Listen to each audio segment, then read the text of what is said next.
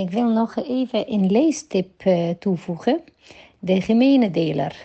Uh, in dat boek is aan de hand van zes thema's maken elf jongvolwassenen met kanker zichtbaar wat kanker voor hun leeftijdsgroep betekent.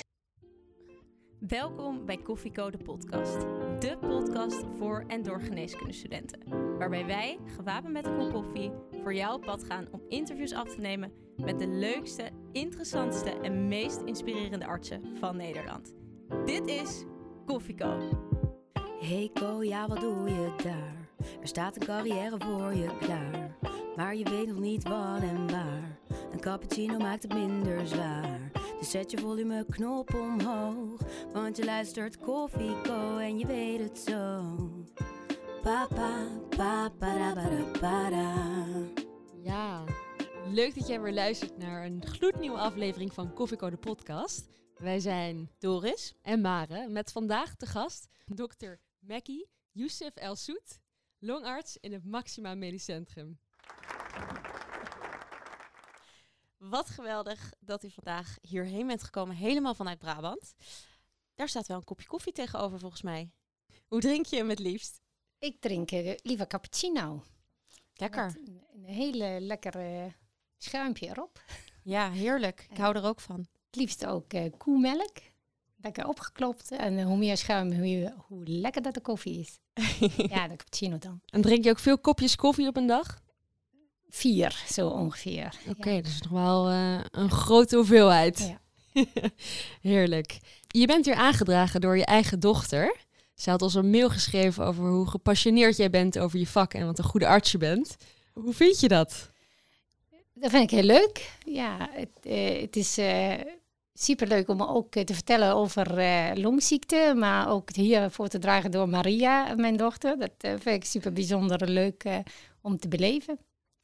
Ik denk het ook. En je dochter studeert zelf ook geneeskunde? Ja, zij is zesdejaars student nu. En heeft ze dat vanuit huis zo uh, met de paplepel ingegoten gekregen, denk je? Ik denk het niet. Nee, uh, zij heeft het zelf bewust gekozen. Wel uh, een levende voorbeeld thuis gekregen, inderdaad, over het drukke leven en hoe af en toe wel stressvol kan zijn, maar ook leuke voldoening te krijgen.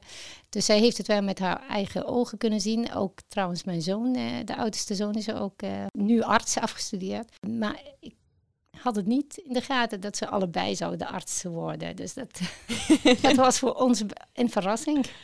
Superleuk. En gaat het er veel over als jullie met de familie bij elkaar zijn? Over de geneeskunde? Ja, stiekem toch wel. Nu met de leuke casuïstiek van de week. En uh, soms word ik ook gebeld. Hé hey man, weet je niet wat ik maar vandaag heb uh, gezien en gedaan? En uh, ziektebeelden bij de huisartsenpraktijken, ook in het ziekenhuis. En, hoe het allemaal in het leven gaat in het ziekenhuis. Nou, dat gaat heel vaak erover. Leuk. Ja. En zouden ze ook longarts willen worden? Nee. Nee, dat dan weer niet. Nee. nee. ik denk niet dat ze een longarts willen worden. Dat, zij vindt longgeneeskunde wel heel leuk. Dat heeft ze echt gezegd. Uh, ik denk dat ze een uh, gynaecoloog gaat worden. Maar dan moet ze nog even bekijken. Misschien na dit interview dat er wel heel veel geneeskundestudenten denken... oeh, die longgeneeskunde, dat is misschien iets voor, voor mij. Dat hopen we in ieder geval, dat het uh, zo'n leuk interview gaat worden. Voordat we op het vak van de longgeneeskunde ingaan, willen we even terug in de tijd. Dat doen we altijd. Maar bij jou is het denk ik wel bijzonder dan bij andere artsen die we in de studio hebben, want je bent niet in Nederland geboren. Nee, ik ben in Egypte geboren en uh, sinds het jaar 2000 in Nederland gekomen. Voor mijn man, kinderen ook meegenomen naar hier toe. Dus ik was daar al een moeder met twee kinderen. En ik was al werkzaam als arts. En uh, toch voor mijn man hier gekomen in uh, jaar 2000. Voor de liefde? Voor de liefde ben ik gekomen, zeker. Het is toch vaak zo, hè, dat de liefde dan toch overwint. Ja. Maar je bent dus opgegroeid in Egypte. En waarom wilde je toen dokter worden? Om eerlijk te zijn, in het begin wist ik niet zo goed wat ik wil worden. Ik dacht, ik wil wel iets met, met mensen doen. En uh, misschien zelfs met talen, toerisme of met gezondheid. Dus ik wist het niet zeker. En daar is het... Uh, als je klaar bent met die middelbare school en heb je hoge punten gescoord, dan mag je kiezen wat voor universiteit je wil uh, doen. Dus hoe hoger de punten je haalt, dat bepaalt jouw toekomst. En zo is het gekomen. Ik heb wat goede punten gehaald, vandaar dat ik gekozen heb dat ik een arts wil worden. Maar ja, het was wel een klein droom, maar niet heel intensief. Maar ga- gaande de studie dacht ik bij mezelf, dat is het enige wat ik kon doen en wil doen. En het is echt op mijn lijf geschreven om arts te zijn. En zo is mijn liefde voor eh, ge- gezondheidszorg eigenlijk vanaf de vierde jaar gekomen. Toen ik echt in contact ben gekomen met patiënten, anamnese, lichamelijk onderzoek, diagnostiek. En zo dacht ik, ja, dat wil ik echt zijn. En sindsdien eh, ben ik gelukkig. Wauw, mooi verhaal. Geen liefde op het eerste gezicht, maar naarmate de studie vorderde, werd het wel een hele intense liefde. Ja. De gezondheidszorg. En als je de op, opleiding geneeskunde vergelijkt met Nederland, heb je ook eerste drie jaar theorie en dan daarna drie jaar kooschap? Of hoe ziet die opleiding eruit? Het is zes jaren opleiding en dan een jaar kooschappen. eh, waarvan de eerste dia- drie jaar zeker theorie en de tweede tri- drie jaar is ook theorie plus eh, wat practicum. Oh, Eh, en dan het echte kooschappen begint na de zesde jaar. Maar vanaf de vierde jaar heb je wel wat patiëntencontacten. wel een langere opleiding dan dus. En je kooschappen, dat is een jaar. Ja, En zie je dan allerlei verschillende vakgebieden wel? het is drie jaar eh, theorie plus de tweede drie jaar zie je wel vakgebie- vakgebieden. Eh, en in, in dat jaar van de kooschappen eh, ben je voornamelijk drie maanden interne, drie maanden chirurgie bezig. En de andere zes maanden prop je alles erin. Dus het is wel echt eh, Pittig. pittig en minder illustratief voor de co-assistent. Ja. Wat voor soort co-assistent was jij? Je kunt mij eh, beschrijven als een serieus co-assistent die wel heel graag alles leren en doen, maar ook een gezellige tante die wil shoppen en, eh en, en leurendinnen en op reizen zijn. Dus ik heb wel beide gedaan, De beste combinatie, denk ik wel. denk ik ook. Ja, het is jammer dat eh, de podcast niet met beeld is, maar eh, je ziet er prachtig uit. Een hele mooie outfit. Dus eh, dat shoppen kan ik goed begrijpen. Dankjewel. Na de studententijd studeer je af als arts, als basisarts. En dat heb je nog in Egypte gedaan. Als ik goed begrijp, ben je daarna naar Nederland gekomen. Ehm, daar is ook een tijdje tussen. In de vijfdejaarse studentengeneeskunde ben ik gaan trouwen met, eh, met mijn man. Eh, Een Nederlander. een, een Egyptenaar die in Nederland woont. Eh, die is ook hier gekomen sinds heel lang, dus nog langer dan ik. En ehm, is naar Egypte geweest en, en daar leren kennen en met hem getrouwd, vijfdejaars studenten. En ik dacht, het is goed, ik blijf natuurlijk daarvoor afstuderen, kooschappen lopen. En ook inmiddels een kind gekregen. En ik kreeg ook een baan in Cairo Universiteit, daar heb ik afgestudeerd. Is de grootste en de oudste universiteit, eh, academisch eh, eh, centrum in Egypte. En als hij daar een baan als docent fysiologie krijgt, dan laat hij het niet zo maar lopen. En ik, kon, ik was denk ik jong en niet heel ervaren om mijn prioriteiten te stellen met een kind en man op afstand om toch maar daar naar hier toe meteen te komen. En ik dacht, ik begin aan de baan en eh, ik zie het wel, ik kan het managen. Mijn moeder helpt mij en hij komt zo vaak mogelijk naar Egypte op vakanties. En ik zie het wel. En zo ben ik gaan rollen, zeven jaar op afstand getrouwd met twee kinderen. En daar promoveren. eh, en toen mijn oudste kind vier jaar oud was, dacht ik, eh, ja, hij moet naar school. En hij moet een, een, een stabiele plek hebben. En juist met zijn vader en moeder samen. En eh, dus, dus de keuze die ik gemaakt heb toen, zou ik nooit meer doen. Of eh, achteraf nooit meer nadoen. Eh, en heb ik mijn prioriteiten gesteld. En ik dacht, mijn gezin en kinderen, man eh, op één en mijn werk op twee. En zodoende ben ik hier gekomen, mijn werk zeg maar opzij gelegd en een jaartje aan mezelf de kans gegeven om hier te ontwikkelen. Mocht ik na één jaar gelukkig blijven en goede werk vinden als dokter, dan blijf ik. Zo niet, dan zou mijn man met mij moeten terug naar Egypte komen. Dat was de deal. ja, dat was de deal. Eh, en daar gewoon werken. En zo uiteindelijk zijn we na zeven jaar op afstand getrouwd bij elkaar gekomen met de kinderen. En eh, achteraf na een jaartje eigenlijk meteen kunnen beginnen in Nederland als arts. Was dat moeilijk om in Nederland als arts te beginnen met werken? Nederlands taal zat niet in mijn pakket, dus Nee. ik kon het niet. het is niet het makkelijkste taal. Eh, ik had eh, de diploma gekregen alsof ik Nederlands kon spreken, maar ik, ik durfde dat niet. Ik durfde fou- geen fouten te maken. Ik moest in het begin drie maanden in een ehm, verpleeghuis stage lopen, in een PG-afdeling. Dat was de leukste afdeling waar je ook met mensen kan contact nemen, maar ook durven fouten maken. Ja. Ze herkennen jou de volgende dag niet direct en ze onthouden ook niet jouw verhalen. Perfect. Ja. Dus ik durfde daar fouten te maken en ik kon ook oefenen. Eh, dus de taal was een punt. Eh, het cultuurverschil was niet zo, want eh, ik woonde, woonde in Egypte, in Cairo. En ik ben van de minderheid Kopten daar, of christenen daar. Dus ik loop zo daar ook rond, zeg maar, zonder hoofddoek en dingen. Ja. Dus wat, wat dat betreft, geen cultuurshock, maar wel een, een werkverschil. Dat je eh, onderzoeken doet en hetzelfde dag de uitslag hebt. En nu tegenwoordig na tien minuten al in de computer kan een bloedgas eh, de uitslag vinden. Ja. is heel anders dan in Egypte. Dus qua werksfeer is het anders. Maar ook beginnen eh, van het nul, daar als docent fysiologie en hier alsnog niet erkend. En moest ik nog een jaar, half jaar interne, half jaar chirurgie als semi-arts gaan lopen. Om mezelf erkend te maken, ondanks de papieren die ik had. Met twee kinderen en nog net de taal geleerd, was wel echt een hele struggle. Ja. Want hoe was dat als je, je was in Egypte al een klaar arts en dan in Nederland zeggen ze je moet nog een stuk van de opleiding doen. Hoe was dat? Was het dubbel op voor jou of vond je het ook nuttig om dat extra stukje erbij te doen? Het was terecht, want je kunt wel heel goede papieren halen, maar ze weten niet wat de mensen achter de papieren zijn. Ze moeten het echt in de praktijk zien. En ze hebben maar een jaartje gelegd eh, in de twee grootste vakken, chirurgie en interne. Dus ik vond het terecht. Zij willen mensen aannemen als artsen met een kwalificatie daarvoor. Dus niet zomaar. Dus ik vond het wel terecht. Oké. En in Egypte was je dus ook gepromoveerd binnen de fysiologie? Ja. Wilde je in Nederland daarmee verder? Ik had blijkbaar daar stiekem al het eh, belangstelling voor longziekte, want het was cardiopulmonary function in obese children. Dus eh, een kindergeneeskunde was ook echt, eh, ben ik geïnteresseerd geweest. En eh, ik wilde daarmee verder. Ik ben bezig met, met research voor longoncologie op dit moment. En een heel breed scala en research nou op mijn, in, in mijn ziekenhuis. Maar echt hier promoveren is, is heel hoog gegrepen voor mij. En zeker op, mijn- op, op mijn leeftijd en eh, mijn werkdrukte, denk ik dat dit voor mij eh, een hele verre droom is. Eenmaal in Nederland geland en eenmaal in Nederland de, nou, de kwalificaties allemaal gehaald en de semi-arts stages doorlopen, kon je in Nederland als arts aan de slag. Wat heb je toen gedaan en wanneer is die liefde voor de longgeneeskunde nu echt aangewakkerd? Ik kon in Nederland als arts beginnen na een jaar dus eh, stage lopen. En aan het eind van dat jaar kreeg ik twee opleidingsplekken aangeboden. Aangeboden.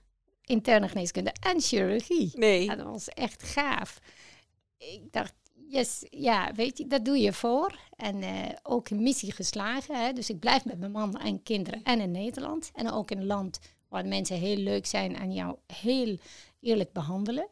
Dus ik bleef graag hier.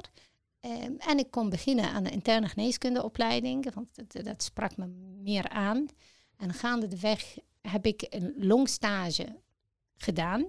En eh, stiekem zag ik wel in mij dat ik heel veel met mijn handen wilde doen tijdens de interne geneeskunde stage. Dus ik vond het heel erg leuk een patiënt met acuut nierinsufficiëntie waar een, nierdialyse geïndiceerd is tussen een lijn te prikken of heel graag de scopieën gaan kijken met de maagdarmleverdokter. Ik dacht ja, en toen de, tijdens de longstage eh, kreeg ik van de opleider meteen eh, de scope in mijn hand met or- oriënteer jezelf. weet je wat rechts en links is? Het is net Playstation, we doen wat mee. De tweede keer mocht ik ook na een paar keer meekijken in Dreamplaats. Toen dacht ik, ja, ik weet het nou al. Ik wil heel graag in denken en een doen vak hebben. En ik ga switchen. Naar de longgeneeskunde. Ja. Dus een switchverhaal van Egypte naar Nederland en ook switchverhaal van interne naar long. Maar nu zit je op je plek. Ik zit zeker op mijn plek. Mooi. Zou je in één of twee zinnen kunnen uitleggen wat de longgeneeskunde is? Ja, een longarts is officieel de arts van de ademhalingssysteem en tuberculose. Dat is een longziekte. eh, houdt in dat je ook bezig bent met diagnostiek en behandeling van bovenste en onderste luchtwegen en infecties. Je, je komt een scala aan en gevarieerde ziektebeelden van acuut aan chronische ziekte. Eh, verschillende leeftijden, van, van jong en oud. Je houdt bezig met veel diagnostiek en dat doe je ook zelf. Eh, invasief en niet-invasief. Eh, Denk aan longfuncties, denk aan eh, beeldvormende onderzoeken die je ook zelf kan interpreteren en uitslagen meteen bekijken. Denk aan invasieve onderzoeken vanaf heel milde bloedgasprikken tot aan endoscopieën en, en endo-echo. Uh, thoracoscopieën. Dus de longarts die heeft ook en diagnostiek en analyse in de handen. Uh, en dan uh, de behandeling. Dus op zich ben je minder afhankelijk. Het is een overzichtelijk vak waar je heel diep ingaat, maar ook heel gevarieerd. Dus het is niet monotonig iets. Het klinkt geweldig. Maar toch willen wij nog meer overtuigd worden. En dat doen we altijd in de specialistenpitch. Ja, ik zie je al kijken. Oh nee, daar komt hij. en in de specialistenpitch, zoals je weet, moet je in 30 seconden de luisteraar ervan overtuigen om voor het longvak te kiezen. Ben je er klaar voor? De specialistenpitch. 30 seconden waarin jij de geneeskundestudenten ervan overtuigt om voor jouw specialisme te kiezen. Longziekte is een diverse uh, vak waar je veel te maken hebt met subspecialisatie die je kunt kiezen. Je werkt met acute, maar ook met chronische patiënten. Je werkt heel veel met collega's, eh, multidisciplinair. Uh, het is wel een denken maar doen vak. Zeker vaardigheden is geëist. Uh, het is een vak waar je heel veel contacten met patiënten hebt. Het is gewoon een topvak. Duidelijk. Binnen de tijd. Het muziekje loopt nog. Nou, wat goed zegt. Het klinkt ook echt als een topvak. En het klinkt ook alsof je er zelf helemaal 100% achter staat dat het een topvak is. Zou je ons om te beginnen eens mee willen nemen in de week van een longarts? De week van een longarts. Je begint elke dag met de overdracht. En dan zit je met een groep longartsen, co-assistenten, uh, physician assistants. En, uh, om ook uh, de patiënten die in de nachtelijke uren dan weer in het weekend opgenomen zijn, die bespreek je allemaal. Dus ook een moment voor koffie drinken met elkaar. Daarna gaat iedereen zijn gang toe of naar de polykliniek. 60% van de werk van de longarts is direct patiëntencontact. Ik doe twee dagdelen longoncologie poli en uh, drie tot vier dagdelen algemene oncologie poli. Eén dagdeel longbehandelkamer, waar echt mijn hart zit. Heel veel multidisciplinaire overleg, waarvan je ook een, een hele leuke uh, combinatie hebt van werk, maar ook contacten met andere specialisten. En uh, de dagdeel in de ochtend behandelkamer en in de middag polykliniek is de ideale dagdeel. Uh, waar je ook afwisselend werk hebt. En tussenin zou een MDO'tje passen. Heel afwisselend klinkt het. En je zei, de behandelkamer, daar ligt mijn hart. Wat, neem ons eens mee, een, auditieve rondleiding. Wat gebeurt er allemaal in die behandelkamer en hoe ziet het eruit? Is het een soort kleine OK? Uh, dat is dus een hele kleine OK inderdaad. Omdat er ook tegenwoordig bij ons kan de uh, met een sedationist ook in endo-echo-onderzoek verrichten bij patiënten die risicovol uh, zijn voor uh, respiratoire insufficiëntie tijdens uh, de ingreep. En dan lijkt het alsof het een, een voorbereiding van in een kleine OK. Wij doen geen operaties, maar de endo-echo-onderzoeken, de EBUS'en en de EUS'en, dat, dat, doe je onder een lichtnarcose, dan wel onder een slaapmiddel. In de behandelkamer is een, een teamwork waar ook de verpleegkundige een check-in en check-out momenten doet van allerlei veiligheid, slots doet bij de patiënt. En jij komt aan met, met je scopie, met je pleurenpunctie, echothorax, drains, endo-echo-onderzoeken. Dat is een hele gevarieerde programma die je ook niet van tevoren al kan uh, instellen. Dat is uh, ja, eigenlijk polyklinisch of klinisch al uh, opgebouwd. Programma voor je. Dus het is wel ook elke keer verrassing wat, wat je gaat doen. Je gaat natuurlijk voorbereiden, maar het is wel superleuk om te doen. En er wordt ook wel eens gezegd dat de longgeneeskunde best wel natuurkundig is, waar je veel uh, ook technisch moet denken. Hoe zit dat? Ja, ademhaling, uh, musculatuur en uh, fysica van de ademhaling, technieken, dan moet je inderdaad goed beheersen. Interpretatie van de, van de longfunctie, van de diffusiecapaciteit, van de spiroergometrie, ook berekenen wat de patiënt voor en na een operatie, na resectie zou over kunnen houden aan tissue, maar ook aan kwaliteit van leven kijken wat de beste behandeling voor bijvoorbeeld een oncologische patiënt is het eh, liever te bestralen of juist echt te snijden. Hè. Dat is, uh, en, en daarmee uh, kan je oncologisch, maar dan ook uh, kwaliteit van leven bewaken voor de patiënten. Maar moet je een beetje natuurkundig slim zijn, zeg maar? Want ik denk altijd, jeetje, wat, wat moeilijk allemaal. Dan zie ik die LVEF, ik weet niet eens meer hoe het heet. FVWE. ja, ja, dan zie ik die, die curves en dan denk ik, oh, hoe zit het ook alweer? Ik vond het wel lastig altijd. Het, het is niet zo moeilijk als je het heel even daarvoor zitten en goed lezen. Je, je mo- moet niet denken aan high chemistry of high natuurkunde. Ehm, maar het is wel goed te beredeneren en te begrijpen. En als je het één één keer goed uitgelegd hebt, denk ik, dan, dan, dan, zie, dan, dan is het niet echt moeilijk hoor. Nee, oké. Nou, gelukkig. Ja. Moet ik toch nog even de boeken induiken. Wat ik me af, afvraag, hè, want je zegt je hebt ook een switch gemaakt van de interne geneeskunde naar de longgeneeskunde. De longgeneeskunde in Nederland is een aparte opleiding. Terwijl eigenlijk zou ik denken, wa- waarom is dat eigenlijk zo? Want het is eigenlijk een soort interne opleiding. Maar waarom is dat apart? Je kunt het ook zien als een beschouwende vak, hè, Ja. waar je twee jaar echt de interne opleiding, eh, vooropleiding moet doen en goede ervaring met de internistische gedeelte moet hebben. En eh, het is ook een, een apart eh, systeem waar je onderling een, een, een eh, chronische ziekte bij hebt, waar je oncologie bij hebt, interstitiële longziekte hebt, beroepsgerelateerde ziekte hebt, infectie, hè, waarbij typische en atypische, tuberculose en andere. Dus het is, het is wel op zichzelf een hele interne afgebakelde eh, vak. Dan denk ik dat dit wel een echte aparte gedeelte is. En daarvoor moet je minimaal vier jaar daarna, vier jaar en een half bijna, echt longziekte hebben gestudeerd om het te kunnen beheersen. En zijn er dan bij de longgeneeskunde, als je dat hebt gedaan, nog subspecialisaties? Ja, de, de algemene longenarts bestaat bijna niet meer. Er is dus inderdaad subspecialisaties die ik net allemaal genoemd heb. Maar onder andere mensen die zich bekwaam maken in zeer obstructieve longziekten, COPD, astma, dan wel ook eh emfyseem. En de revalidatie daarvan, dat is ook heel belangrijk. En mensen die interstitiële longziekte, de inflammatie die door, eh, door auto-immuunziekte eh, eh, en, en mensen, ook longoncologen, die, die, die zijn nu eh, heel erg aan het ontwikkelen, want het is een heel dynamisch vak. Ehm slaapgerelateerde eh, longproblemen. Dus, dus daar zijn heel veel subspecialisaties. En jij houdt je met name bezig met eh, longoncologie. Ja. Hoe is dat op je pad gekomen? Ja, dat is eh, vanaf het begin al tijdens mijn opleiding eh, heb je dus een longoncologie stage. En eh, dacht ik, dat is echt mijn ding. Ondanks dat je het heel veel verdriet in hebt, heel veel afscheid moeten nemen van patiënten, slecht prognose, veel tranen, veel lijden ziet, denk ik dat het toch wel in mijn hart zit om patiënten te begeleiden in die fase, te behandelen.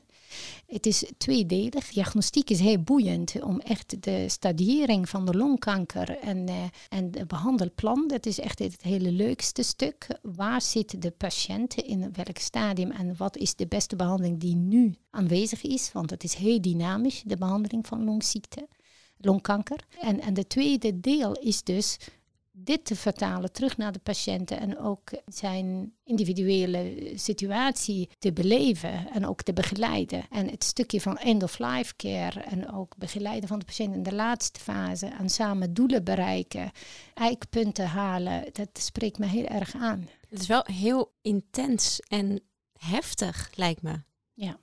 Is het soms ook wel eens te heftig? Ja, ik zie eerlijk gezegd soms ook mijn kinderen daar zitten. En dan denk ik, ja, dat is echt eh, ingrijpend. En eh, dan beleef ik ook met hun mee. Eh, maar probeer ik ook daarachter te laten en eh, maar af te sluiten na mijn werkdag. Het is niet altijd ma- moeilijk, makkelijk, je blijft een mens. Maar nogmaals, je krijgt voldoening als de patiënt ook zijn doel bereikt. En je geeft verlichting voor klachten. Je begeleidt mensen in een fase waar ze echt de dokter nodig hebben. Ook de verpleegkundige specialist hoor. Dat geeft voldoening om door te zetten. Dus het is, als ik het zo hoor, wel een heel dankbaar vak. Ja.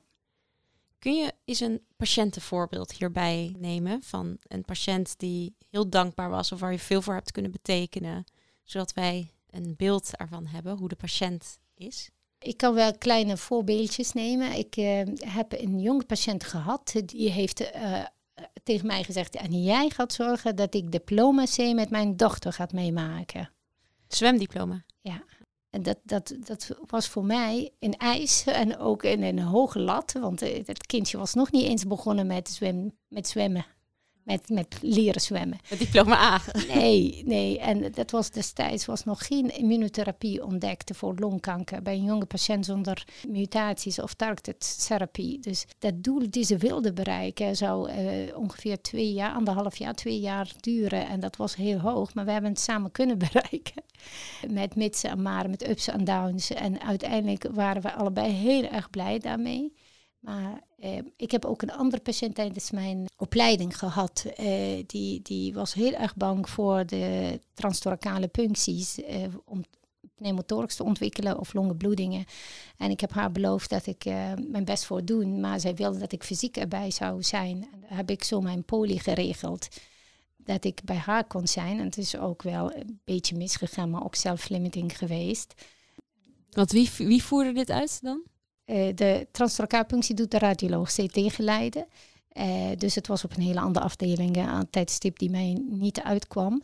En dan was ik wel erbij. en ze had een, hele kleine rand pneumothorax waar je eigenlijk niks voor moet, doen. Maar uiteindelijk wel goed gekomen.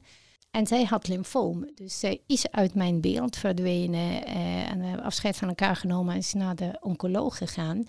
En een paar maanden later kwam zij terug. Die, kon haar niet herkennen. Ze, was, ze had alopecia en had ook een Cushing gezicht na steroïdegebruik. Uh, en zij gaf mij een uh, sleutelhanger waar Belief op staat. Een hartje met Belief. En die heb ik nog steeds. Ik moest even goed nadenken wie ze was. En zij zei, ja, ik geloofde in je. En ik, en ik heb mij laten behandelen. En dat is uh, goed gekomen. En dat blijft... Hele mooie momenten. Ja, zeker. Ja bijzonder. Hoe zou je het patiëntcontact als longarts omschrijven, als je het in je eigen woorden zou zeggen? Het werk van een longarts is 60% patiëntencontact. Dan, dan moet je eigenlijk echt uh, beseffen en, en goed vinden en leuk vinden om te doen. En is als uh, oncoloog, longoncoloog, vind ik het patiëntencontact een heel belangrijk deel van mijn behandeling. Ik vind het nog belangrijker dan de behandeling die ik geef, dan de chemo- of immunotherapie eh, goed uitleggen wat het inhoudt, wat de doelen die de patiënt aan de dokter wil bereiken. Drie kwart van de mensen hebben uitgezaaid longkanker, dus het doel moet kwaliteit van leven nummer één en met middelen proberen te bereiken.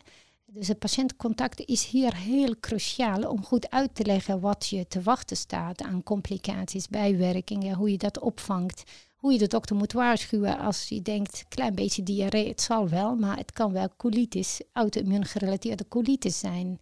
Dus dan, dan, moet je echt de dokter op tijd waarschuwen, anders loopt het een keer mis. En je vertelde net, de longoncologie is heel dynamisch. Wat zijn de nieuwste ontwikkelingen dan? Dat is de immunotherapie in uh, longkankerbehandeling. Uh, targeted therapie ook. Dus als de patiënt mutaties heeft, uh, je hebt remmers voor bepaalde eigenschappen, bepaalde eiwitten op de tumor. En als je de juiste sleutel in de sleutelgat zet, dan heb je eigenlijk controle op de tumor. Je kunt um, de, de, kankerbehandeling is gericht op vier eigenschappen van de tumor. de snel ongecontroleerde de celdeling en ook de uh, programma de DES, zeg maar, mechanisme die dan belemmerd is. Um, ook op de vaatformatie door de tumor. De tumor heeft zuurstoffen en voedingsstoffen nodig. Dus die maakt heel veel vaten om te groeien. Dus dat maakt eigen vaten ook. En uiteindelijk, de tumor, de kanker kan wel de, ons immuunsysteem, herkenningssysteem ontsnappen. En je hebt de monoclonale behandelingen, waar onder andere ook de checkpoints inhibitors of, of immunotherapie, waar je daar eigenlijk alle vier, maar voornamelijk de vierde uh, stap wel uh, behandelt. Het is dus het allernieuwste is ook de combinatie van de chemo-immunotherapie samen. En zeker in worden ook heel veel uh, targeted therapieën ontwikkeld voor, voor eiwitten, voor mutaties op de tumor. Daardoor is denk ik de prognose van uw patiënten ook wel behoorlijk veranderd. Absoluut. Ja, longkanker is nu een van de chronische ziekten aan het uh, worden. Voorheen durfde niet te praten over uh, enkele jaren uh, prognose bij stadium 4. En nu hebben wij mensen met zes jaar na behandeling die nog leven en zitten voor je op de stoelen. Dat is als longarts denk ik wel een hele fijne ontwikkeling. Ja, absoluut. Ja. Ik wil even naar een ander uh, deel van het vak gaan, namelijk de praktische handelingen van het vak. Die zitten er ook bij, bijvoorbeeld de bronchoscopieën. Moet je handig zijn als longarts?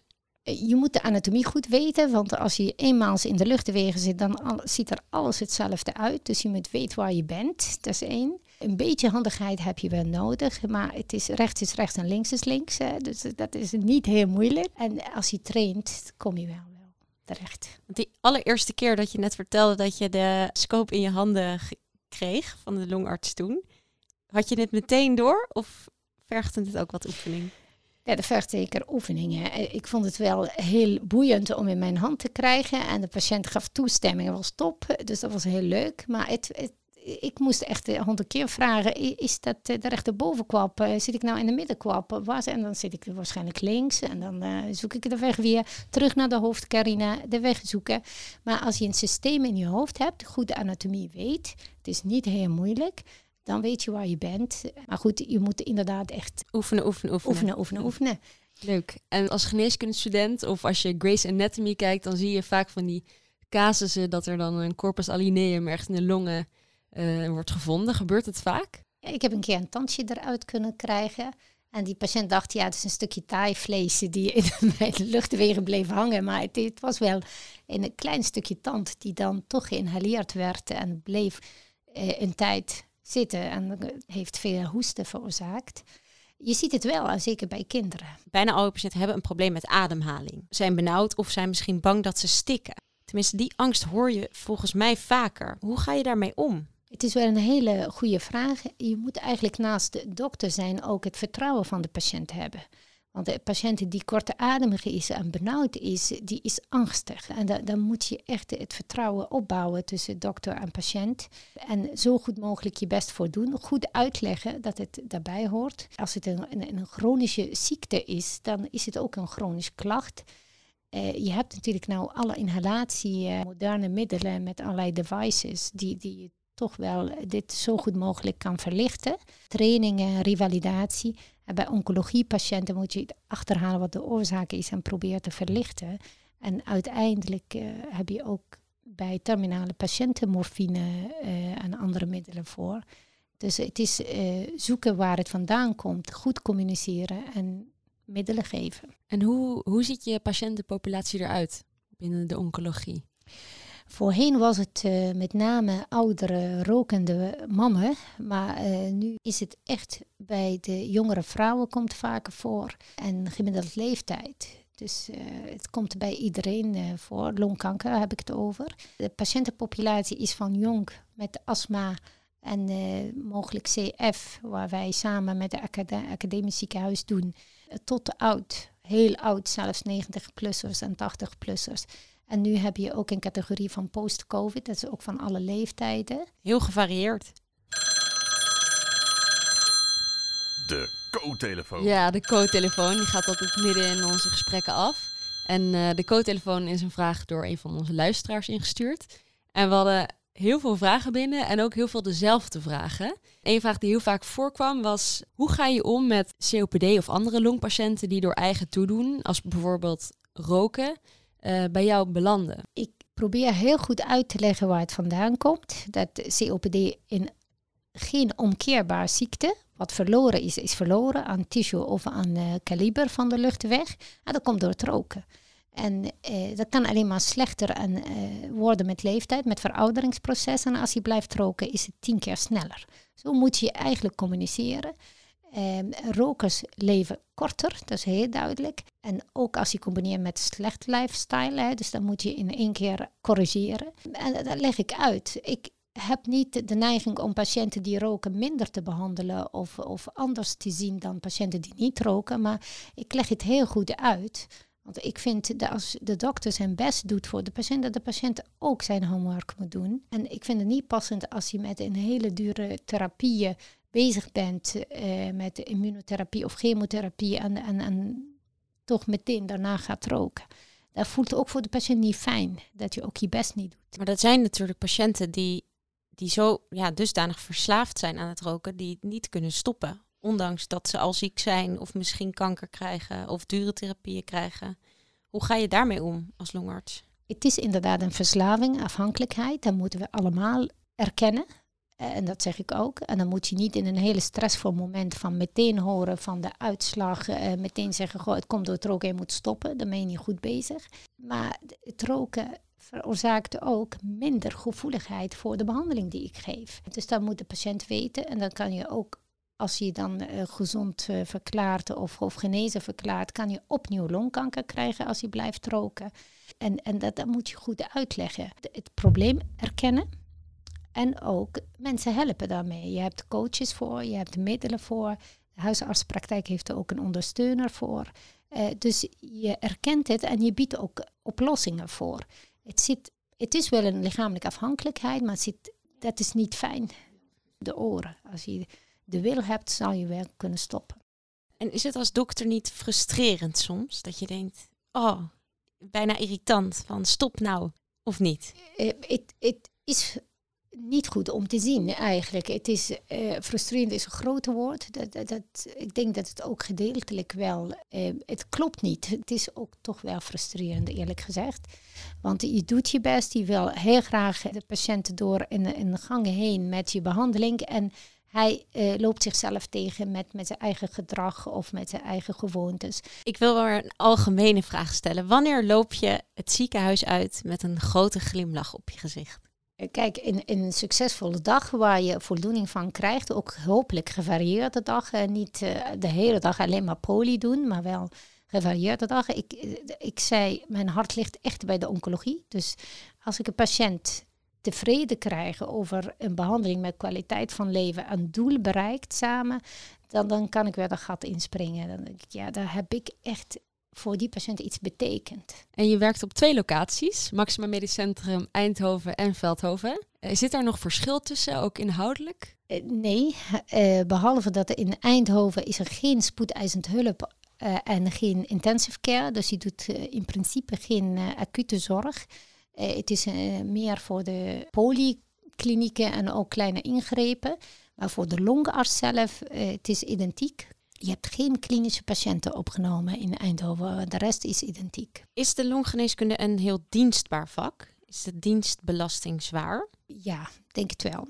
Ik denk het wel. Ik ervaar het niet heel erg zwaar, maar het is wel eh, een dienst waar je eh, vaak gebeld wordt over patiënten. Je, het is wel voor de hand liggend dat je naar het ziekenhuis moet gaan voor eh, interventies. Ik ervaar het wel enigszins zwaar, ja. Wat zijn de acute, acute dingen waar je nou ja, vaak over gebeld wordt? Ja, longenbloedingen, eh pneumothorax. eh, ja, je hebt natuurlijk acute exacerbatie. Alle patiënten die opgenomen worden, ook als het geen acute zaken zijn, word je ook gebeld s'nachts. Maar exacerbaties, astma en COPD, longenembolieën, eh pneumothorax en bloedingen zijn natuurlijk van de acute zaken. Genoeg acute dingen bij de longgeneeskunde. Maar daar hoef je niet voor allemaal uit bed te komen hoor. Dat heb je natuurlijk voorwacht, hè. En eh, daar word je wel alleen over gebeld en eh, heel soms moet je naartoe. En ligt dat jou, die acute dingen? Ja, zeker. Hoe weet je dat? Of, of je daar goed mee om kan gaan? dat groei je in tijdens je opleiding. En eh, er zijn mensen die dan vermijden acute momenten en mensen die trekken het aan. Ik ben van de tweede, denk ik. En eh, ik vind het ook heel leuk om drains te geven en eh, ja, acute momenten te beleven en hopelijk tot goed uitslag te brengen. Mooi. En hoe, hoe weet je of de longgeneeskunde iets voor jou is? Voornamelijk patiëntencontact, houden van echt veel collega's contact, teamwork is het. Je bent afhankelijk van de ander en de andere ook van jou. Kunnen omgaan met chronische zieke patiënten en kunnen omgaan met mensen lijden als je oncoloog wordt. En een beetje handigheid. Ja, want inderdaad ook dat, ik kan me voorstellen dat het ook veel zware consulten met zich meebrengt. Hoe ontspan jij dan na zo'n intensieve dag? Kijk, ik moet wel een stukje rijden. Ik woon in Uden. Dat is voor mij een ontspanning eigenlijk. Ik bespreek eh, min of meer alles eh, met, met mijn man en ook eh, mijn kinderen. Als het nodig is, dan valt het van je af. Ik doe wel andere dingen daarnaast. Ik ben gelovig, ik ga naar de kerk en ik heb andere kerkelijke bezigheden. Wat sporten, niet heel veel, maar wel gedaan. Misschien een beetje een out-of-the-box onderwerp, maar je hoort niet zo heel vaak tegenwoordig meer van dokters die gelovig zijn. Veel mensen zijn toch atheïstisch, in Nederland in ieder geval. Is dat een mooie combinatie? In mijn geval denk ik wel. Eh, Kijk, ik heb het natuurlijk vanuit mijn achtergronden ge- eh, gehouden en dat eh, hou ik graag. We zijn van de minderheid eh kopten van Egypte. Dat is een term die je geeft aan de christenen van Egypte. We zijn echt minderheid daar, maar 10%. Ik ben koptische orthodox. Het is heel dichtbij katholiek. En dan, dan ga ik graag naar de kerk. En dat geeft, denk ik, eh, een, een goede combinatie om, om ook je werk met wat liefde en barmhartigheid te kunnen geven, denk ik. Is dat ook iets op je werk als je weet dat iemand ook christelijk is, wat jullie samen bespreken, of hou je dat privé? Die hou ik eh, privé.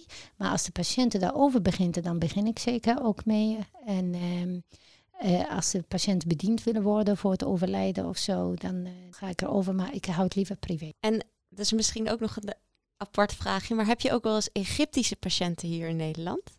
Kom je die ook tegen? Ja, ja die, die zoeken mij soms op eh, vanuit uh, de taalachtergrond. Dan is het een makkelijker praten. Maar zijn patiënten die zoeken jou specifiek op omdat ze weten dat jullie dezelfde taal spreken? Ja, niet veel, maar sommigen wel.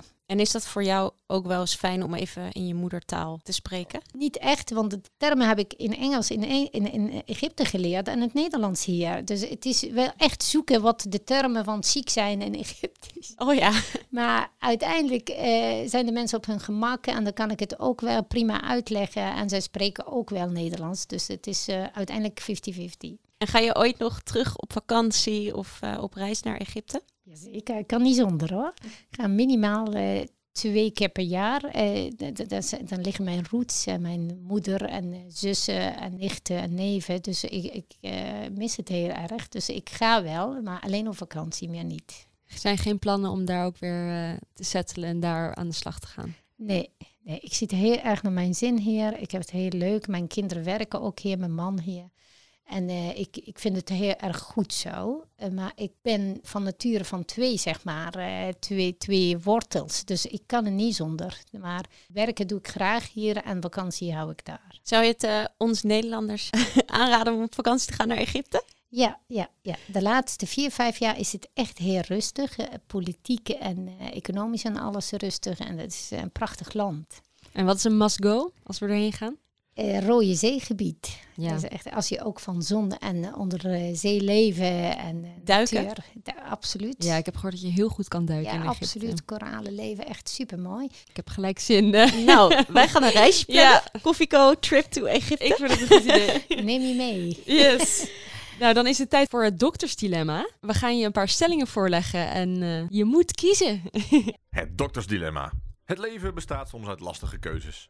Denk niet te lang na en geef snel antwoord. Bronchi of bronchioli? Bronchie. Tropenarts of dermatoloog? Tropenarts. Snijdend of beschouwend? Snijdend. Acute of chronische problematiek? Acute. Klassiek of modern? Ja, uh, moderne tussenin. maar meer modern. Altijd de waarheid of soms een leugentje om eigen bestwil? Nee, altijd de waarheid.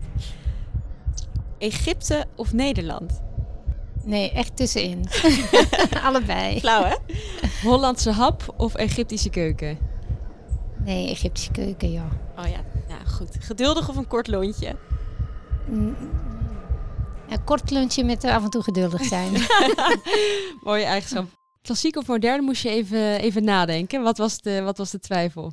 Ja, ik, moderne zit, uh, ligt heel erg uh, goed aan, maar ik, ik hou ook, uh, ik heb mij van mijn klassieke trekjes, zeg maar. Dus en noem eens een voorbeeld. Nee, in de keuzes ook van, van bijvoorbeeld de interieuren of dingen. Dus dan, dan vind je bij mij dat het... Goede combinatie. Ja. Mooi. Nou, we eindigen ons interview altijd met de laatste tip voor de jonge dokters en de co-assistenten die nu luisteren. Wat zou jouw tip zijn die je hen wil meegeven? Durf dromen. En ga voor je droom. En niet denken dat het te laat is. Want uh, switchen van een land of van een opleiding is nooit te laat als je maar gelukkig blijft.